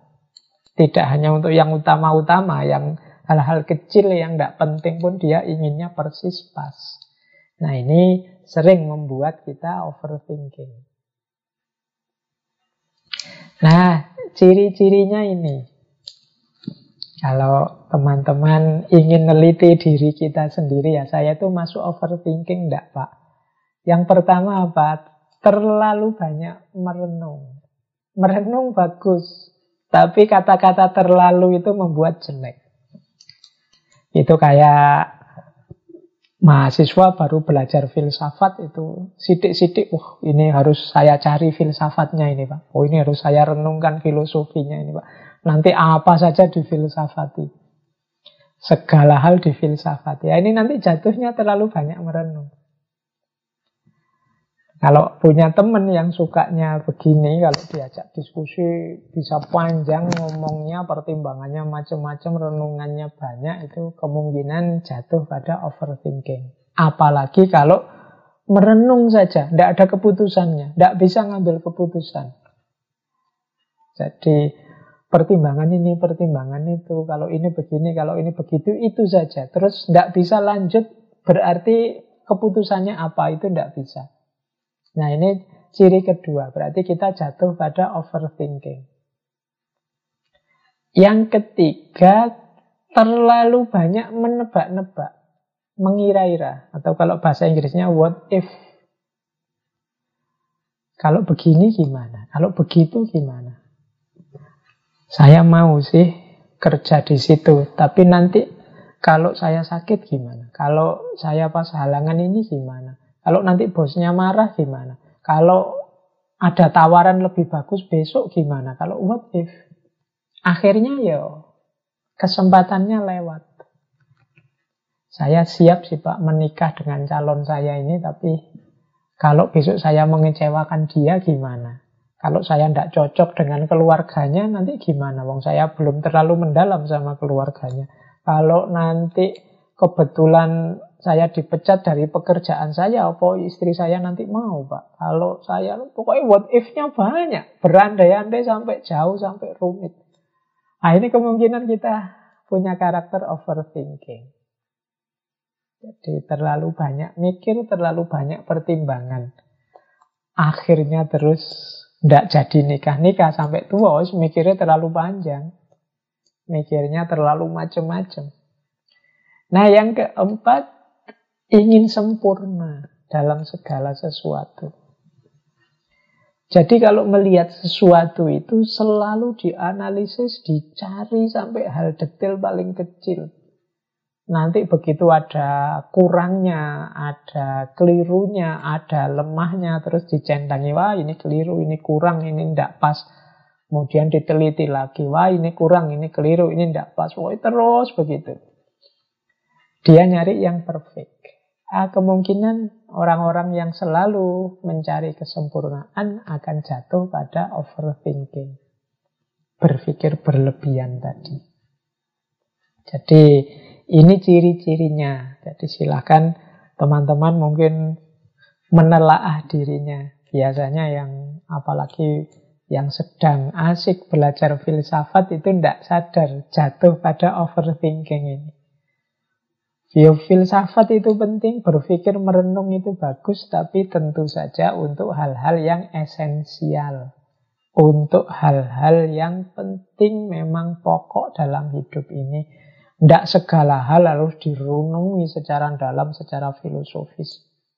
Mau makan saja diskusi filsafat dulu. Mengapa kok kita makan sore hari ini, makannya kok makan nasi masih apa ndak bisa makan yang lain. Filosofinya apa makan nasi itu pokoknya apa-apa dibahas sampai sedalam itu itu namanya overthinking.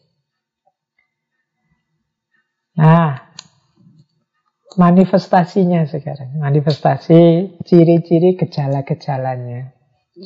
Kalau kita ini sudah overthinking. Yang pertama adalah kita ini tidak bisa mengendalikan pikiran kita sendiri untuk berhenti.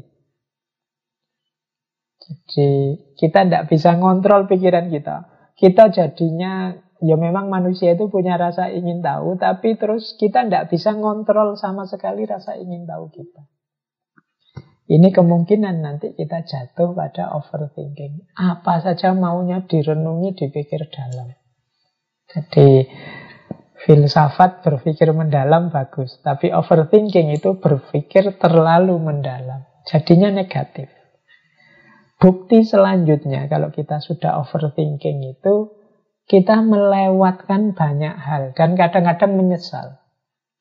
Ngapain tadi waktuku terbuang untuk melakukan itu sementara teman-teman sudah selesai tugasnya.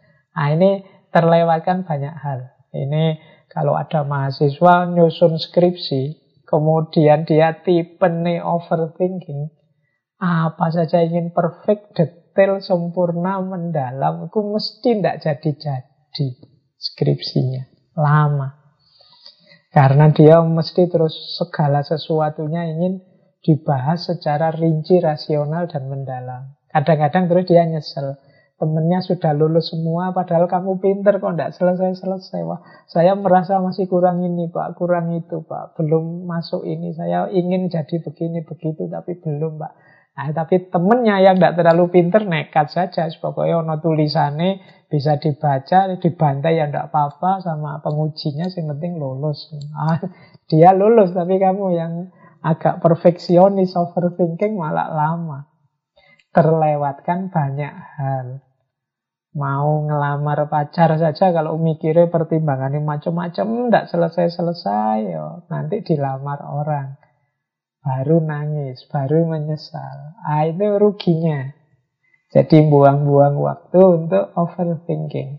Biasanya kita baru sadar kalau yang lain sudah menghasilkan sesuatu, sudah sukses, kita belum. Kita masih muter-muter saja bulat di situ. Misalnya organisasi itu ya rapat demi rapat terus, tidak pernah diputus-putuskan. Keputusannya rapat hari ini adalah kita harus rapat lagi minggu depan menyelesaikan diskusi yang tidak selesai hari ini. Nanti diskusi lagi keputusannya gitu terus. Tidak selesai-selesai. Itu namanya overthinking. Kemudian kadang-kadang overthinking itu nambah masalah baru. Jadi yang semula tidak ada masalah, karena dipikir, ditemukan, diangkat, ya dia jadi masalah baru ketemu.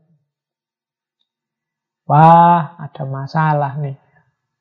Ketika dipikir lagi, dipikir lagi, loh ada masalah lagi. Terus begitu ya, yang namanya hidup di dunia ini kan tidak ada yang sempurna. Selalu akan ada masalah.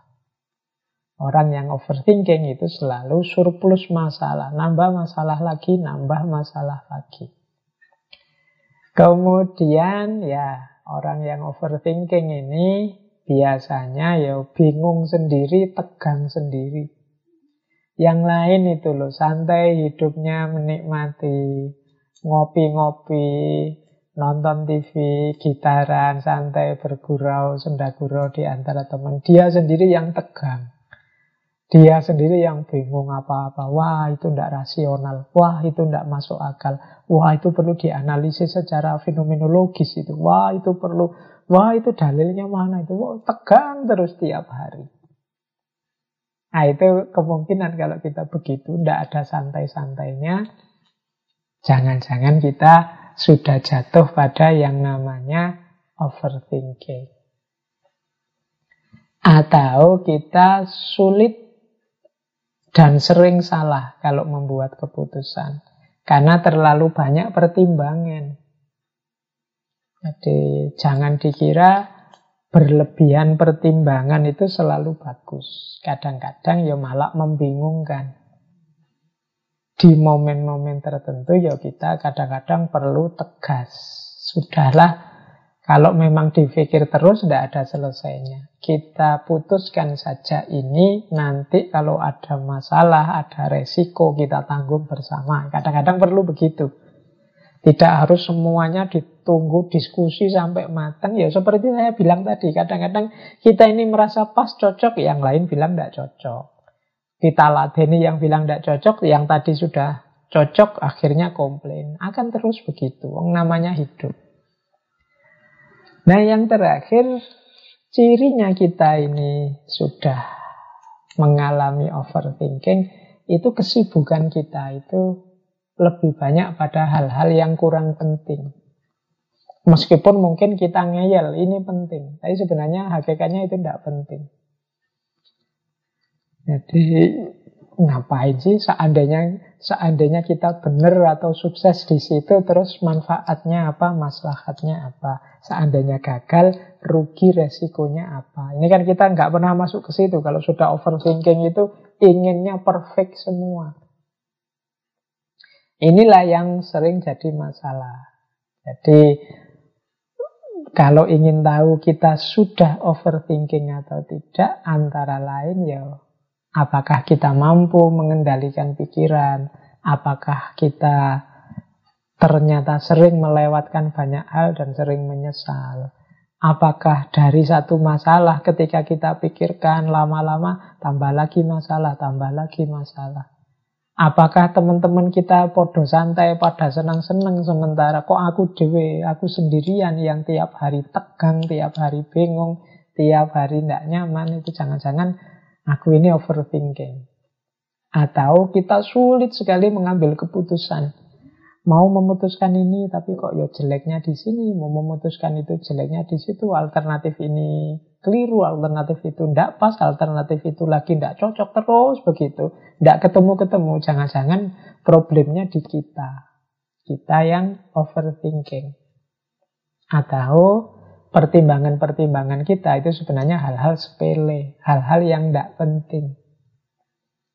Misalnya, wah saya mau nikah sama kamu sih, tapi saya itu kalau tidur ngorok, gimana ya? Nah itu kan sebenarnya antara urusan nikah yang agung, yang besar dibandingkan ngorok. Terus ini dibahas mendalam, diseriusi sampai gegara macam. Itu namanya hal-hal yang tidak penting diutamakan. Ini kemungkinan kita overthinking sudah. Jadi mari kita perhatikan ya, jangan sampai ya memang kita ini akademisi, para pecinta filsafat, suka ngaji, suka berpikir. Kita, mungkin teman-teman tidak hanya ngaji filsafat, juga di ngaji yang lain, di kajian yang beda-beda. Tapi hati-hati jangan terjebak overthinking. Karena overthinking, kalau sudah overthinking, konotasinya negatif. Akibatnya apa sih kalau kita ini overthinking? Efeknya antara lain ya yang pasti hidup jadi tidak asik. Jadi tidak menyenangkan. Jangankan kita yang overthinking, kita punya teman saja yang serba overthinking. Itu kan tidak asik. Jadi diajak apa-apa itu terus diseriusi terus. Kita ngomong iseng, dia serius mendalam. Kita bergurau, dia serius mendalam terus. Hidup jadi tidak menyenangkan, tidak asik.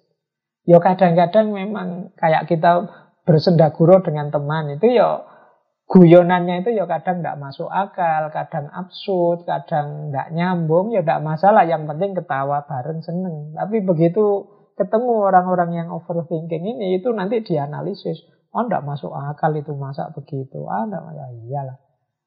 Hidupnya jadi tidak seneng. Jadi waktu habis, tegang, lelah, tidak bisa tidur nyenyak, selalu kepikiran. Kepikiran itu dalam istilah Jawanya. Jadi istilah Jawa ada istilah kepikiran. Kepikiran itu berarti jadi bahan pikiran terus-menerus. Dan itu pasti tidak menyenangkan. Nah yang kedua, banyak aktivitas jadi tidak maksimal. Mengapa tidak maksimal? Kita susah untuk fokus dan konsentrasi. Pikiran kita ke mana-mana terus. Mikir A, kita kaitkan dengan B, kita kaitkan dengan C, kita terus begitu. Jadi akhirnya kegiatan-kegiatan kita jadi tidak maksimal, tidak to the point. Bahkan kita mungkin sulit berinteraksi dengan orang lain karena gaya kita tadi. Kenapa? Karena kita sulit fokus, sulit konsentrasi. Kalau diajak ngomong misalnya, kita ngomong apa, teman kita nanggapinya apa. Karena mungkin dia overthinking, mengerti hubungannya yang diomongkan dengan ini, dengan itu, dan lain sebagainya. Nah, yang ketiga, efek atau akibatnya overthinking adalah emosi yang naik turun terus, tidak stabil. Orang overthinking itu mudah marah. Mikir itu kan tegang. Kalau disinggung sedikit, dia bisa marah. Mudah gelisah. Termasuk insecure tadi yang kita bahas di babak pertama ngaji kita. Kemudian kadang-kadang mencari pelampiasan dari ketegangan kegelisahannya. Ya di situ saya tulis misalnya lewat makanan, misalnya makan itu ya karena mikir itu butuh energi, butuh fokus. Kadang-kadang postingannya sambil nyemil. Kita makan, kita mikir sambil nyemil, mikir sambil minum, mikir sambil jadi bisa habis kopi bergelas-gelas, habis ah, itu nanti kesehatannya drop. Kemudian kadang lewat postingan, tidak ada angin, tidak ada hujan, nanti postingannya marah-marah, postingannya apa. Atau pada orang lain untuk pelampiasan, orang lain diserang, atau sebaliknya menjauh dari orang lain. Nah ini efek-efek dari overthinking. Emosi kita jadi tidak stabil. Tentu saja orang lain jadi insecure, jadi tidak nyaman dekat dengan kita. Karena emosi kita yang naik turun. Yang keempat, oh kalau ini manifestasi fisiknya, jangan lupa pikiran itu, apalagi otak itu kuncinya segalanya. Jadi ketegangan-ketegangan batin kita, pikiran otak kita itu ya bisa berefek pada kesehatan fisik. Ada gejala-gejala psikosomatis misalnya, pusing, nyeri, jantung berdebar-debar, sesak nafas, tensinya naik atau tensinya turun dan lain sebagainya. Ini gangguan fisik. Sebagian besar penyakit-penyakit dalam itu berhubungan dengan pikiran kita. Maka orang yang overthinking itu berarti orang yang pikirannya tegang terus. Tidak heran kalau orang semacam ini mudah terkena penyakit. Imunnya turun. Karena fokusnya pada hal-hal macam-macam yang tidak penting tadi. Maka teman-teman, yuk dihati-hati untuk tidak terlena, terlalu mantap, terlalu mendalam dalam berpikir. Ini fatwanya jadi unik ya padahal ini ngaji filsafat itu biasanya mikir mendalam. Tapi ini justru kalau dalam kasus overthinking ini mikirnya jangan terlalu dalam. Jadi berpikir yang biasa saja tidak keterlaluan. Keterlaluan itu kan berarti ya sudah berlebihan nah baik sekarang kita lihat filsafat-filsafatnya ini ada banyak. Ini juga tokoh-tokoh yang mungkin next time kita bahas ya satu-satu. Yang belum dibahas. Kalau Buddha kelihatannya sudah pernah. Kata Buddha, no, tidak ada sesuatu pun yang bisa menyakitimu sebesar pikiranmu sendiri ketika dia tidak dikontrol, tidak dijaga.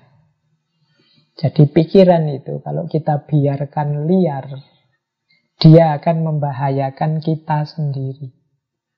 Jadi pikiran itu kalau tidak kita kendalikan, dia bisa jadi senjata makan tuan. Ya nanti ini mungkin dulu pernah saya jelaskan di ketika membahas batas nalar. Jadi bagaimana pikiran-pikiran itu harus selalu kita kendalikan. Karena dia bisa ganti menyakiti kita. Bahkan katanya filosof eksistensialis namanya Fyodor Dostoyevsky. Kata beliau, to think too much is a disease. Orang yang terlalu banyak mikir, hakikatnya dia sebenarnya seperti orang yang terkena penyakit.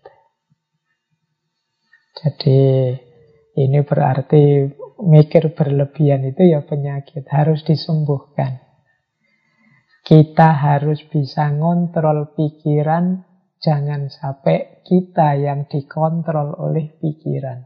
Ini coba nanti direnungi oleh teman-teman. Bagaimana kita bisa ngontrol pikiran kita, Bukan kita yang dikontrol oleh pikiran kita.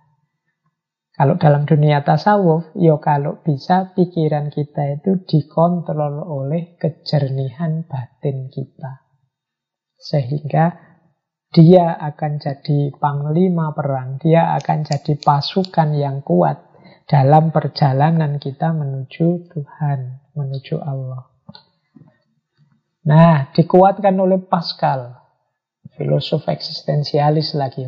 Berpikir terlalu sedikit atau terlalu banyak tentang sesuatu sama-sama membuat kita kaku dan fanatik.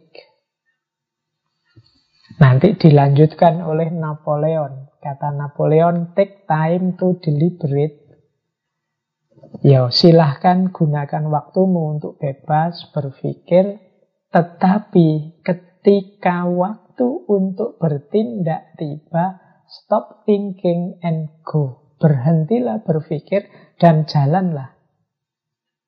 Jadi, iya berpikirlah, tapi ambil waktu, beri batas waktu. Jangan terus-terusan mikir tanpa batas waktu. Kalau sudah saatnya bertindak, ayo bertindak. Jangan mikir terus, stop thinking and go. Kata Napoleon Hill, sama-sama Napoleon ya, kalau Napoleon Bonaparte panglima perang. Perancis, kalau Napoleon Hill ini penulis, motivator dari Amerika. Don't wait, the time will never be just right. Jangan menunggu. Menunggu itu dalam arti terlalu banyak pikiran, terlalu banyak pertimbangan. The time will never be just right. Waktu, situasi itu tidak bisa berubah benar begitu saja. Kita harus ada tindakannya, tidak hanya mikir.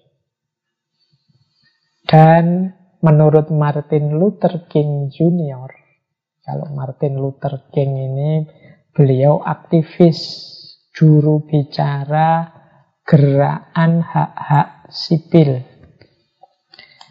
Nanti kapan-kapan kita bahas beliau. Mungkin berhubungan dengan teologi pembebasan. Kata Martin Luther King Jr., you don't have to see the whole staircase. Just take the first step. Jadi engkau tidak harus melihat keseluruhan anak tangga. Cukup engkau ambil langkah pertama. Jadi hidup ini kalau kita ibaratkan naik tangga, ya tidak harus kita tahu ujungnya tangga itu nanti sampai mana. Yang penting kita mengambil langkah pertama menaiki tangga. Kalau terlalu lama mikir tentang tangga, tidak jalan-jalan. Nah, ini yang dimaksud overthinking tadi. Terlalu banyak pertimbangan, terlalu banyak pemikiran, terlalu banyak pendalaman-pendalaman, akhirnya tidak ngapa-ngapain. Kalau kita tidak ngapa-ngapain, tidak ada situasi yang berubah jadi lebih baik. Padahal tujuannya berpikir itu kan mencari solusi, menemukan jalan untuk agar hidup kita jadi lebih baik. Nah inilah beberapa filosofi dari para filosof tentang overthinking. Nah, ini beberapa tips agar kita tidak terjebak overthinking. Yang pertama, jangan dijadikan kebiasaan. Jangan dibiasakan overthinking. Jadi kalau kita sadar, wah ini aku terlalu banyak mikir ini, wah ini aku terlalu banyak pertimbangan ini, akhirnya tidak jalan-jalan. Ya sudah, kita off dulu. Jadi, dan kita usahakan tidak sering-sering begitu. Karena kalau jadi kebiasaan, nanti ada apa-apa sedikit kita overthinking, ada apa-apa sedikit kita overthinking. Yang kedua, sikapi segalanya secara biasa saja, wajar-wajar saja. Jadi, yo kalau memang urusan besar, diselesaikan, diuraikan dalam bagian-bagian kecil, kita selesaikan satu demi satu, setahap demi setahap. Ya kayak naik tangga tadi loh. Wah ini urusannya sampai masa depan ini. Ya kita selesaikan dulu yang di depan mata. Kita selesaikan dulu yang mahasiswa kuliahnya. Nanti baru kalau kuliahnya selesai mikir kerjaan. Kalau kerjaan sudah dapat mikir istri, setelah itu mikir membahagiakan orang tua, setelah itu mikir gitu loh. Kalau dicampur semua jadi satu dengan judul hidup dan masa depanku, kita akan overthinking pasti. Ayo diawali pelan-pelan saja, setahap-setahap saja. Ada kalanya penting bagi kita untuk mengambil sudut pandang yang baru. Kadang-kadang memang perspektif tertentu itu membuat masalah-masalah baru. Nah, sehingga pikiran kita tidak selesai-selesai, muter bulat di situ. Nah, itu kadang-kadang kita perlu menarik diri. Sudahlah, saya pandang secara berbeda. Nyari cara pandang baru yang lebih segar terhadap masalah ini. Misalnya urusan kuliah, teman-teman mungkin ada yang terancam DO, sudah semester 13, besok 14, proposal saja belum, dan kita gelisah di situ mati-matian. Waduh ini hancur duniaku, masa depanku rusak. Nah, itu karena mikirnya mungkin hanya dari sudut pandang kuliah yang ke DO. Tapi mungkin kalau kita keluar sebentar, melihatnya dari perspektif berbeda, bisa jadi kita tidak segalau itu.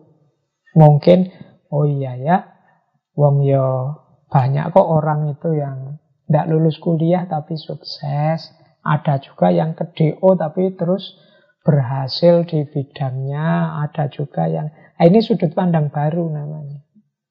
Ya, mungkin kita menemukan solusi dari situ, tidak dari perspektif awal tadi yang membuat kita panik diputus pacar misalnya. Wah kita gelisah gimana biar dia tidak mutus aku, gimana biar dia tetap bersama aku, gimana biar dia kita stres mati-matian. Mungkin kita tidak nemu jalan sudah kalau bareng dia. Nah, tapi dari sudut pandang yang berbeda mungkin jadi lebih positif. Ah, Alhamdulillah aku bisa konsentrasi kuliah.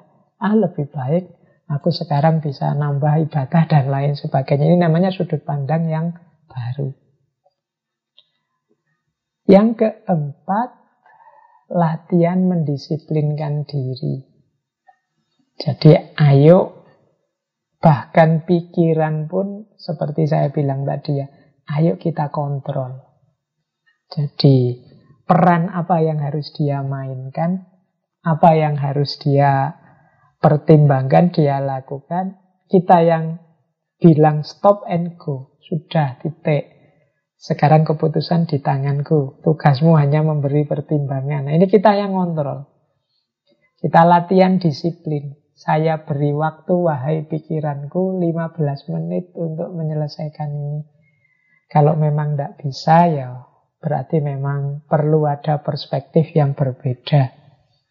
Tidak usah bulat terus di situ. Nah, ini, ini penting latihan begini ini untuk pikiran kita. Dan jangan mudah terdistraksi. Jadi jangan mudah tertarik perhatian pada fokus yang lain. Ini yang saya pikirkan hanya aspek ininya saja. Nanti aspek yang lain nanti dulu. Kalau yang ini selesai atau yang ini buntu baru ganti ke aspek yang lain. Ini namanya latihan disiplin dalam berpikir. Kemudian bersikap positif dan optimis. Jadi jangan serba negatif. Kita overthinking tadi sebagian besar karena cara berpikir kita yang negatif. Kalau begini gimana? Kalau begitu gimana? Kalau nanti terjadi ini apa kita bisa? Kalau itu yang membuat orang terus jadi overthinking. Mari kita optimis, positif, bahkan mari gembira dan bahagia. Ini akan membantu kita menaklukkan overthinking. Yang terakhir, ayo hidup di masa kini. Jangan dibelenggu oleh masa lalu atau selalu dicemaskan oleh masa depan. Ini yang membuat kita overthinking. Cemas oleh masa depan, menyesal karena masa lalu. Ini membuat kita tidak move on, move on. Mari hidup di masa kini. Hidup di masa kini kita nikmati, kita terima apa yang kita miliki hari ini. Ini akan jadi kunci kebahagiaan kita dan kunci yang membuat kita lepas dari overthinking. Jadi teman-teman, malam hari ini kita belajar dua hal yang semoga kita masih bisa mengontrolnya, yaitu insecurity dan overthinking. Dua-duanya ini sebenarnya alami, manusiawi, ada dalam diri kita. Asal tidak berlebihan berpikir itu kan malah sesuatu yang memang jadi penciri kita. Tapi terlalu banyak berpikir jadi negatif.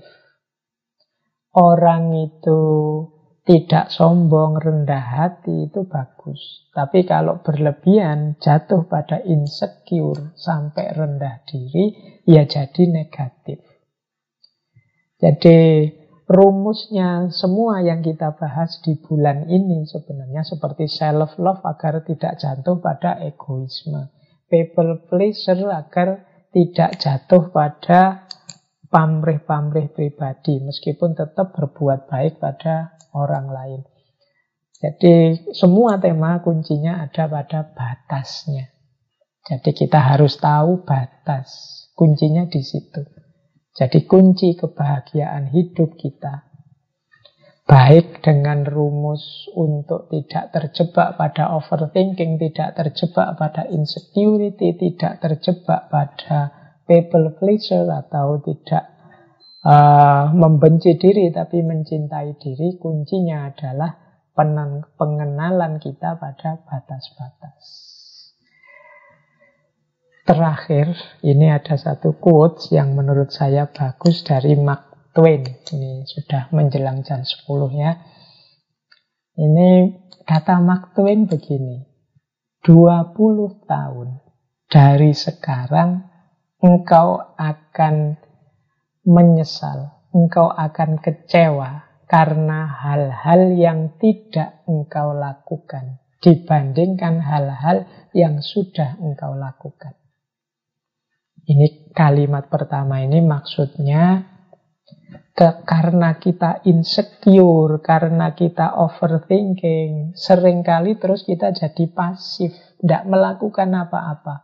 Ketika insecure, kita merasa rendah diri, minder, jadi pasif. Ketika overthinking juga begitu. Kita sibuk dengan pertimbangan-pertimbangan, kita takut mengambil tindakan. Akhirnya apa? Kata Mark Twain. Mark Twain ini novelis sebenarnya penulis, juga pengajar.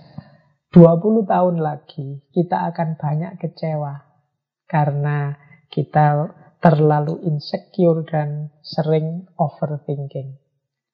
Kita banyak kecewa karena tidak melakukan apa-apa dibandingkan yang kita lakukan. Yo ada sih hal-hal yang kita lakukan terus kecewa. Tapi yang lebih banyak adalah kita tidak melakukan sesuatu dan kita kecewa karena tidak melakukan apa-apa. Mungkin teman-teman sering merenung, coba zaman SMA dulu saya begini. Coba dari zaman SMP aku sudah begitu. Mesti sekarang aku nikmati hasilnya. Itu namanya menyesal. Kemungkinan ya karena insecurity atau overthinking tadi. Maka kata Mark Twain, lemparkan jangkarmu, kemudian apa berlayarlah menjauh dari pelabuhan yang nyaman, tangkaplah angin. Nah, kalimat yang terakhir, explore, dream, discover. Menjelajahlah, bermimpilah, dan temukan banyak hal baru. Inilah nanti jadi kunci kebahagiaan kita. Baik, teman-teman, mungkin itu dulu ya. Ini mungkin hanya bahan-bahan renungan materi kita malam hari ini. Semoga sedikit banyak membantu kita untuk menjaga stabilitas diri kita, menjaga kewarasan hidup kita di tengah gempuran berbagai masalah yang kita hadapi hari-hari ini. Insya Allah, hari Rebu depan kita pungkasi dengan mindfulness.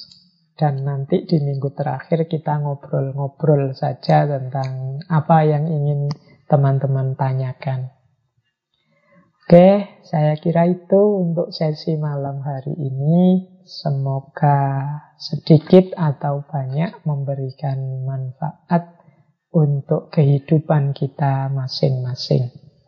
Kurang lebihnya mohon maaf. Wallahul muwafiq. Wallahu a'lam bisawab. Wassalamualaikum warahmatullahi wabarakatuh.